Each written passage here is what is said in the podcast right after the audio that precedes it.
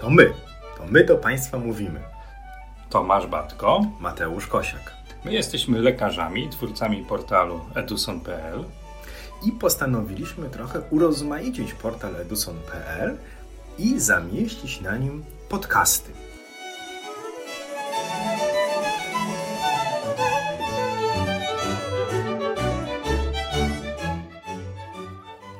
Dwie strony medalu. Jak z rzeczy trudnych zrobić proste, co nie zawsze musi być łatwe. A druga strona medalu to jak nie komplikować sztucznie pewnych rzeczy. Dobrze, że mówisz o dwóch stronach medalu, bo na szczęście, żeby sobie ułatwić nasze badania ultrasonograficzne, warto zwrócić uwagę, że wiele narządów u naszych pacjentów to narządy parzyste, w tym również na szyi, o której sobie dzisiaj nieco porozmawiamy. Zgadzam się z Tobą. A to, że parzyste, to z jednej strony medalu trudniej, bo dwa i trzeba te dwa ocenić. Z drugiej strony, no, jak dolegliwości są po jednej ze stron, to można je porównać, wciskając przycisk dual i na przykład na jednej połowie umieszczając śliniankę podżuchwową prawą, tam gdzie nie ma dolegliwości, a na drugim lewą, tam gdzie są dolegliwości. To porównywanie narządów jest niezwykle cenną umiejętnością i dotyczy nie tylko ślinianek, ale też innych struktur, które są strukturami parzystymi. Dzięki temu, że najpierw sobie dobrze ustawimy obraz na zdrowym, pozbawionym dolegliwości bądź przewlekłych chorób narządzie, które widzimy u naszego pacjenta, a potem głowicę z tymi samymi ustawieniami aparatu przeniesiemy obok na sąsiadujący chory narząd, ten parzysty, to nagle okaże się, że jest nam dużo łatwiej interpretować nieprawidłowości, które widzimy. Tak ma się sytuacja na przykład w opcjach doplerowskich. Jak widzisz unaczynienie miąższu ślinianki przyusznej, podżuchwowej na takich, a nie innych nastawieniach wzmocnienia PRF, przykładasz do tej, po której są dolegliwości, domniemujesz o zmianej chorobowo, to widzisz, że przy tych samych parametrach obrazowania masz ewidentnie to unaczynienie, a w tym wypadku będzie wzmożone. I to jest pewien pierwszy, prosty do zrozumienia trik ultrasonograficzny, który pozwala nam znaleźć zdrowie lub chorobę u naszych pacjentów, tych oczywiście, którzy mają parzyste narządy na szyi. Ale te ślinianki czasem też nam sprawiają nieco problemu wtedy, kiedy my musimy sobie znaleźć pewne zmiany patologiczne. I musimy tu pamiętać o tym, że w takich śliniankach przyusznych nie wszystko, co czarne, co wygląda na krągłą zmianę, musi być od razu zmianą patologiczną w domyśle guzem. Bo najczęściej to nawet nie jest, bo najczęściej jest węzłem chłonnym wewnątrz śliniankowym jakże często widocznym. Niemalże u każdego dziecka w śliniance przyusznej znajdziemy węzeł chłonny wewnątrz śliniankowy. W śliniankach podżuchwowych będzie to o wiele, o wiele rzadziej, a różnica ta wynika z tego, że układ chłonny ślinianki przyusznej jest lepiej rozwinięty w porównaniu do podżuchwowej, a wynika to z tego, że w okresie embriogenezy później dokonuje się element zamykania się ślinianki torebką. I ta cecha niezwykła na swój sposób ślinianki przyusznej, związana z obecnością węzłów, pomaga nam lepiej zrozumieć to, jak sobie różnicować pewne zmiany. Bo te węzły mają też jedną bardzo ciekawą cechę ultrasonograficzną, różnicującą je od węzłów w innych regionach. One często są przez to, że mniejsze, bardziej okrągłe w obrazie ultrasonograficznym, co dla tych z nas, którzy poznali pewne zasady diagnostyki różnicowej, prawidłowych i patologicznych w domyśle onkologicznie zmienionych węzłach, to warto pamiętać, że te węzły w śliniankach mogą być nieco bardziej okrągłe, zazwyczaj jest to wynikiem tego, że są po prostu niewielkie. Kluczem do zrozumienia tego, o czym mówimy, nie jest jakaś bardzo tajemna wiedza czy bardzo duże doświadczenie, ale próba łączenia embriologii z ultrasonografią. Bo ta embriologia, szczególnie w kontekście szyi, wielokrotnie dla nas jest drogowskazem. Wielokrotnie jest tym, co pomaga nam zrozumieć, co widzimy. A choćby taki płat piramidowy, tarczyca ektopowa czy torbiel środkowa szyi.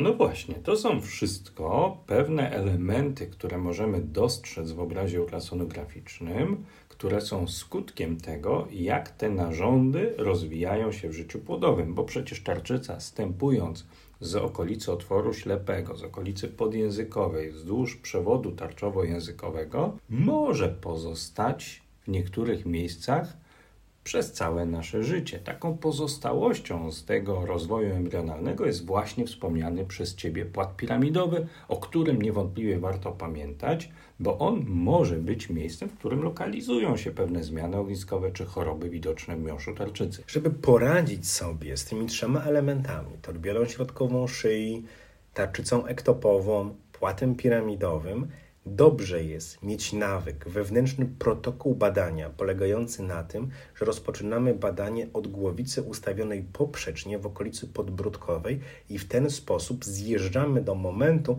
aż zobaczymy tarczycę, a nie rozpoczynamy naszego badania dopiero czy w momencie, w którym ta tarczyca się de facto znajduje. Dojedźmy do niej od góry, od okolicy podbródkowej.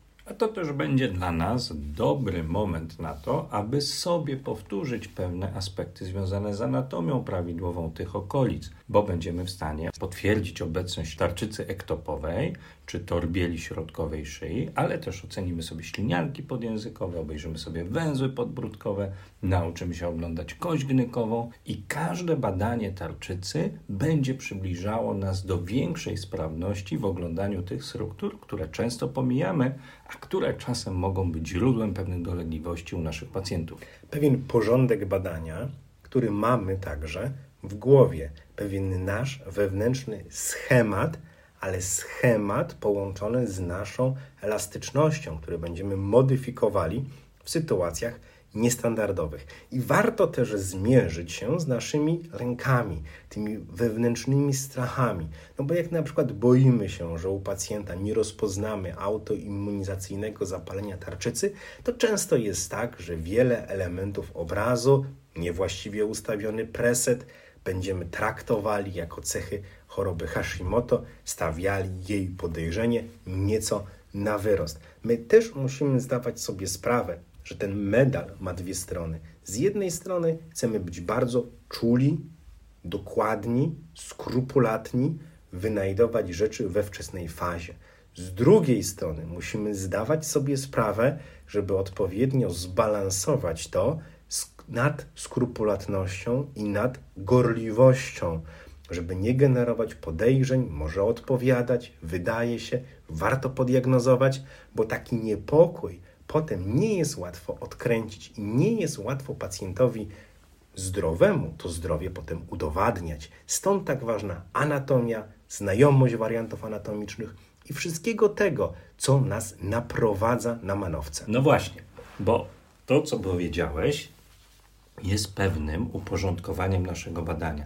Najpierw wykorzystując parzystość pewnych narządów, ustawiamy sobie dobrze aparat. Ustawiamy sobie do, dobrze funkcję tego aparatu, żeby widzieć obraz takim, jakim on powinien być. Potem porównujemy sobie te dwa narządy, a widząc pewne zmiany patologiczne, których na szyi może być bardzo dużo, przypominamy sobie embryologię. To, jak rozwijają się te struktury i to, jakie pozostałości na szyi możemy znaleźć z naszego życia płodowego. Bo dla większości z nas pewnie niezwykle skomplikowanym elementem embriologii są różnego rodzaju pozostałości kieszonek skrzelowych, pozostałości życia embrionalnego. Ale jak sobie to wszystko logicznie poukładamy i raz prześledzimy sobie tą embriologię, analizując możliwe schorzenia, które spotkamy u naszych pacjentów, to prawie żaden obraz u naszych pacjentów nie będzie w stanie nas wytrącić z równowagi. O, dobrze mówisz, bo Państwo też musicie sobie zdawać sprawę, szczególnie ci z Państwa, którzy rozpoczynają swoją przygodę z ultrasonografią,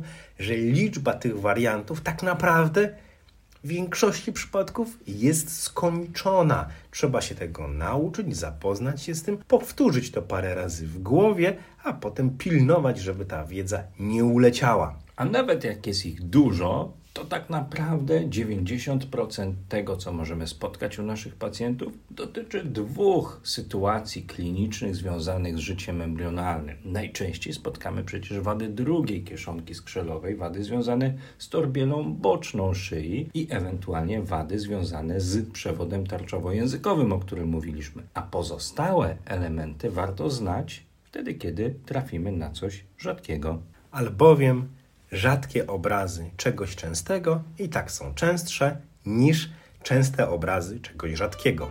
Powodzenia! Powodzenia!